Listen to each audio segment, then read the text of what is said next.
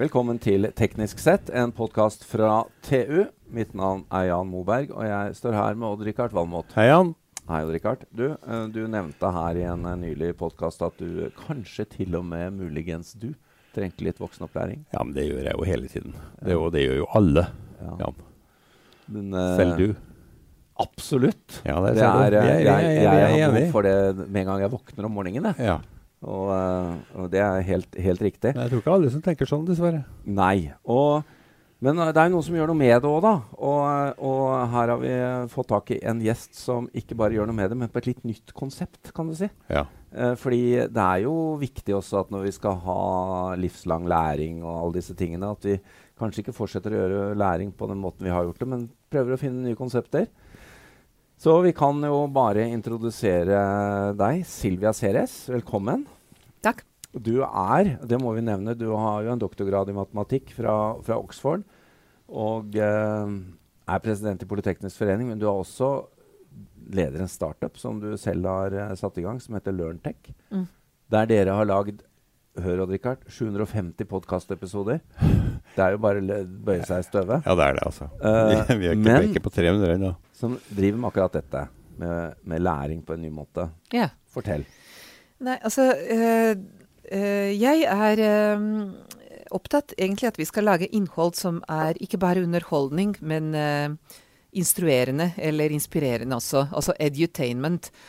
Og har et format som sklir helt ut på tid, fordi det er så mange gode historier om mye å lære fra hvert enkelt menneske vi snakker med. Og så har vi så mange gode teknologer i dette landet som vil mye, men de hører du som regel ikke på konferanser. Det jeg har hørt mye på da, gjennom disse konferanser hvor jeg ofte holder innlegg om digitalisering og samfunn og fremtid og sånt, er uh, ofte konsernsjefer, ofte politikere, men de som faktisk gjennomfører noe på sånn verdensledende måte, de, de, de, de blir ikke invitert dit.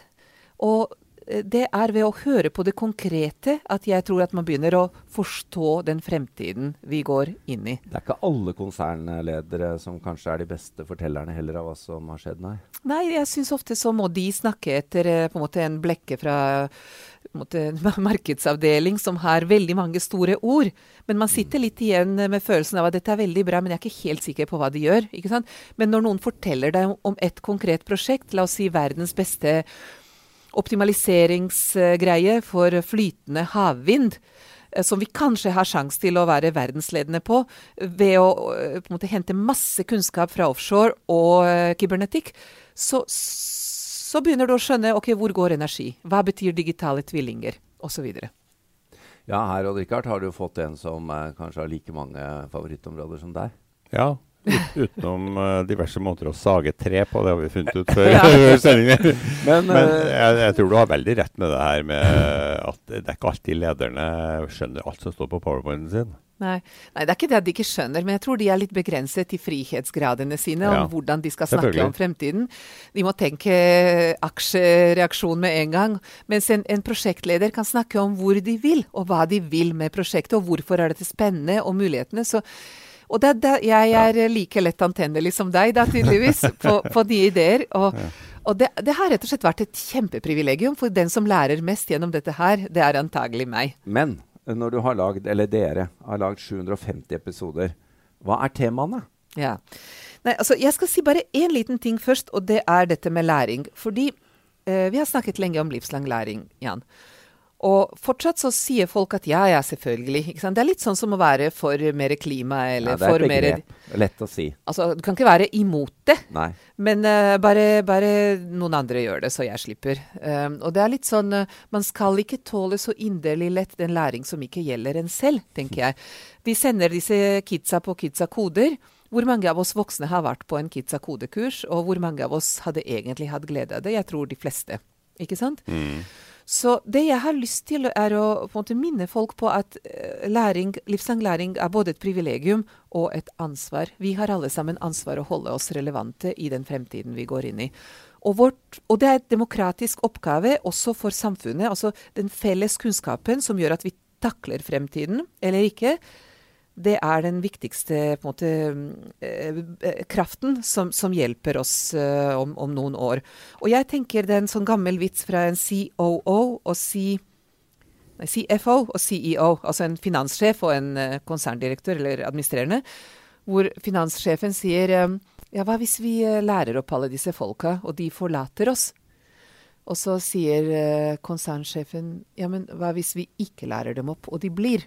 Ja. Ja. Men jeg tror det er etter det siste modellen at vi kjører litt for mange, og så gir vi pakker, ikke sant. Så jeg tenker at vi må inn i den fremtiden, og jeg elsker å lære. Jeg tenker på at det er et privilegium. Og jeg har en mann som har sagt at hvis jeg går og tar en grad til, så skiller han seg. Så nå må jeg gjøre dette her på si. Ja, du må det. Ja. og det rigger jeg til, da. Men det jeg skulle si om temaene, da, er at uh, det begynte med at vi hadde lyst til å lage de beste norske eksemplene på AI. Og så samlet vi 40-50, eh, nei 30-40 på AI. Det gjøres så mye kult innenfor AI konkret i Norge. Ja, dette er gründere, det. dette er forskere, dette er ledere. Og så, men noe av dette her, så, så, begynte vi å snakke med folk som sa at det er mer big data enn AI. Ok, Så lagde vi tema big data. Og så uh, begynte folk å si til meg du, kan ikke du lage noe på droner, for det trenger vi på, ja. på um, der vi er. Og så samlet vi en, uh, eh, 15 historier om droner. Igjen konkret bruk av droner til helt nye produkter og tjenester. Mm. Eller noe som bygger droner. Så gikk vi i uh, VR. Så tok vi helsetech, så tok vi um, big tech, så tok vi Uh, Ocean Tech, så tok vi Food Tech, så tok vi altså legal, legal Tech.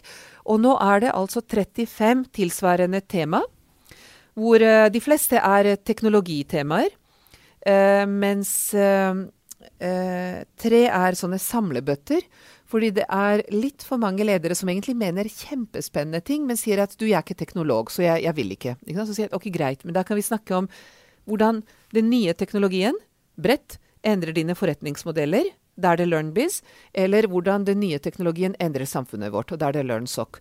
Og nå har jeg også fått lov til å snakke med en del politikere om rett og slett Vi kaller det teknologipolitikk, men det er egentlig den nye politikken som uh, måtte eh, skaper rom for den nødvendige omstillingen. Og der har det egentlig vært utrolig gøy å få observere det som skjedde gjennom korona. da. For nå var det omstilling på steroider, ikke sant. Jo, ja. for det er jo et poeng også.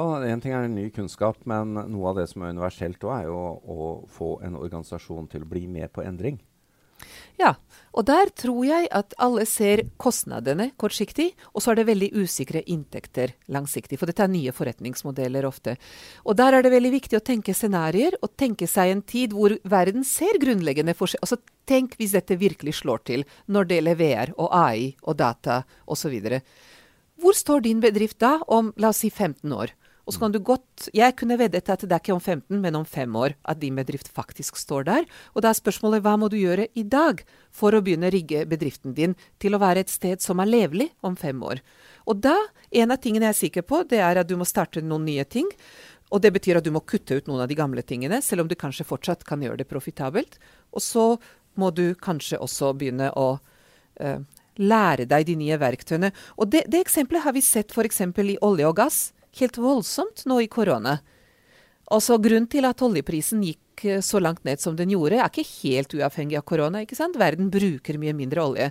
Og for ett år siden igjen var det en utrolig spennende mann på uh, DNVGL sin eh, Energy Transition Outlook-konferanse som snakket om at det er en finansmann fra London som i Norge turte å si at han mener at vi skal skrive ned oljeassets. Ja. Fordi mm. de mener at prisen kommer til å gå ned, og det er fordi oljeprisen er drevet av etterspørsel, ikke av uh, tilbud. Og som kommer til å falle. Og ingen trodde på ham, ikke sant? Nei.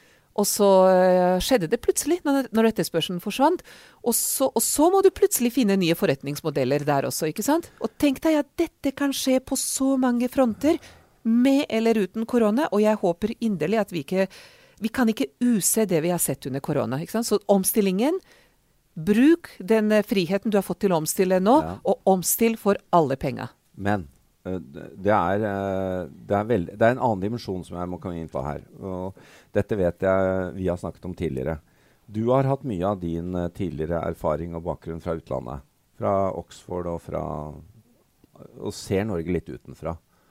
Likevel er du veldig optimist på, på Norge som nasjon, da, på hva vi har å bidra med. Mm. Uh, og til tross for at vi står i en sånn litt spagat med olje versus nye mm. ting. Hva, hva, hva, er forskjellen vår som nasjon, sånn sett utenfra, og hva er utfordringene? Hm. Jeg lurer på om jeg skal være sånn superpersonlig også. eh, altså, jeg kommer da fra Sør-Europa. Eh, jeg er ungarsk, men har vokst opp i Serbia, eller Jugoslavia som det var den gang. Og øh, kommer da antagelig med litt for direkte språk og litt for mye følelser, øh, sammenlignet med måte, øh, den gjennomsnittlige nordmannen. Men jeg tror kanskje jeg er blitt mer glad i både nordmenn og Norge enn det nordmenn er.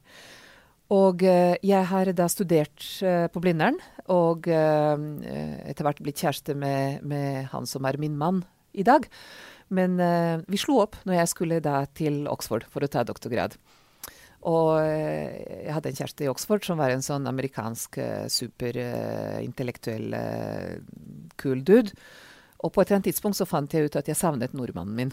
Ja. Og det er veldig forskjell på personligheten, ikke sant? hvor du har den quietly confident nordmannen som leverer alltid. Og er veldig modig, men veldig sånn stille og tilbakeholden. ikke sant? Og gjør ting best i verden. Versus en sånn utrolig uh, markedsføringsdyktig mm. amerikaner. Og jeg tror at hele landet, Norge, er litt uh, der at de, de, dere leverer Vi leverer så fantastisk godt, og så er vi litt dårlige til å markedsføre dette her. og så snakker Vi snakker oss litt bort i sosial kapital og, og sånt, og, men det er et eller annet med janteloven eller jeg vet ikke hva det er kulturelt. Men til syvende og sist så tenker jeg at det vi har fått til med å være verdens rikeste land per capita, verdens lykkeligste osv., det gjorde vi ikke bare fordi vi fant oljen. For det gjorde også Venezuela. Vi ja. klarte å lage oljeservices på en måte som ingen andre land klarte. Og så klarte vi å eksportere kunnskap, og så var det regulering rundt mm. oljepenger og sånt.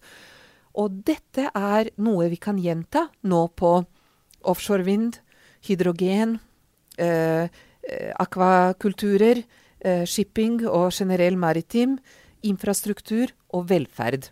Og det jeg håper, er at vi samler oss rundt noen av disse temaene og kjører på for å vise Altså, Norge eh, tror jeg var en av de to ledende makter i verden, kanskje tre, på kybernetikk og, og, og kontrollteori for 50 år siden. Det er bare at vi var litt for tidlig ute i forhold til på en måte, samfunnet vårt. da. Balken og co. Balken og co, nettopp. Ja. Objektorientert programmering. Ja, ja, altså, ja, og dette kunne vi nå anvende.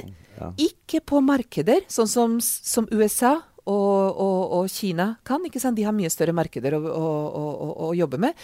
Men prosessindustri data som har med prosessindustri å gjøre, digitale tvillinger, for å styre grid, for å styre, styre skip, optimalisere, designe, vedlikeholde. De nye energisystemene, eh, de, de, nye samfunnssystemene. Jeg tror at vi kan gjøre ting der som hele verden kommer til å ville kjøpe. Jeg blir nesten rørt, jeg. jeg altså det, dette var alle favorittområdene mine. Jeg, jeg, alle 800 og Nei, altså de 600. Og jeg er så enig med at jeg, kan uh, du ble litt tømmer.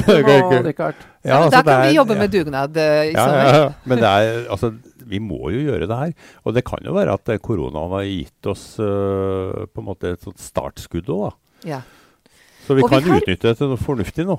Vi har uh, disse NTNU, Sintef, DNVGL, Kongsberg på en måte systemene våre ja. som kan så mye spennende om dette her. Mm. Og så har vi noen store bedrifter som burde kjøpe dette her og satse nye forretningsmodeller på dette. Og så har vi offentlig apparat som kunne, kunne øh, subsidiert og insentivisert dette her på et bredt Og så har vi alle de gode gründerne som kommer med løsninger, men som vet ikke hvem de skal få solgt det til. Ja. Og det å gjøre en sånn systemisk rigg altså disse, Og der kan ikke jeg nok politikk til å lage en politikk som driver dette her. Men dette er veldig spennende oppgaver for våre politikere. da. Det er riktig. Og litt av problemet i Norge er at når en liten gründer har fått opp noe stort, da, så kommer det en amerikaner eller en kineser og kjøper det opp. Så vi uh, Ja, men uh, der er også litt av utfordringen, uh, Silvia, er jo at vi er kanskje litt beskjedne da, når vi skal ut i verden og selge produktene våre. Da hadde vi kanskje hatt bruk for amerikanerne. I oss. Ja, vi må nok i, i hvert fall lære fra dem. Ja. ikke sant? Uh, hvor, uh, hvor, man lager en stor fasade, og så bygger man uh, for harde livet med å måte, gjøre alt bak den fasaden mm. i forhold til hva man har solgt, istedenfor at alt skal virke 150% før man tør å begynne å selge det. Eh, veldig bra. Eh, Silvia, tusen takk for at du tok uh, turen innom. Vi får jo bare nevne da at uh, det ligger 750 podkastepisoder her på LearnTech. Learn.tech. Learn.tech. Uh, og Richard, da får du enda noe å holde på med i sommer. Det gjør jeg. Så, Kanskje jeg skal nevne også at du kan ta grader, for det fins også noe som heter learn.university. Og når du da har hørt på fem podkaster som er gruppert under en såkalt kurs der, og svarer på quizene riktig, så får du en blockchain-sertifikat. Som jeg ikke helt vet hva du skal gjøre med ennå, men i fremtiden så tror jeg dette blir en måte å regulere kunnskapen vår på. Ja. At du har vist en innsats og gått igjennom Putt det på CV-en din, og ja. neste gang du søker jobb, si se, jeg har fem nye diplomer. Dette viser at jeg er villig til å lære. Reformerer det norske utdanningssystemet, og drikke art. Kanskje jeg blir så klok at jeg ikke passer her, Jan. For å ha tatt alt det. det får vi komme tilbake til. Uh, Silvia Ceres, takk skal du ha, og lykke til med både LearnTech og, vi må nevne igjen, bokutgivelse som uh, heter Digital dugnad. løp og kjøp.